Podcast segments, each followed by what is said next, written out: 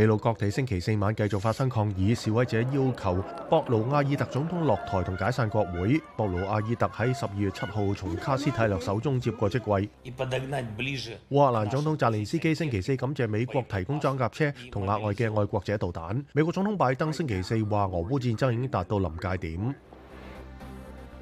墨西哥锡拿罗亚贩毒集团重要人物古兹曼被捕后，安全部队同帮派发生冲突，暴力浪潮直卷富利亚坎市。联合国报告话，刚果民主共和国政府同东部嘅 M 二十三叛乱分子冲突，带嚟咗新嘅不确定性。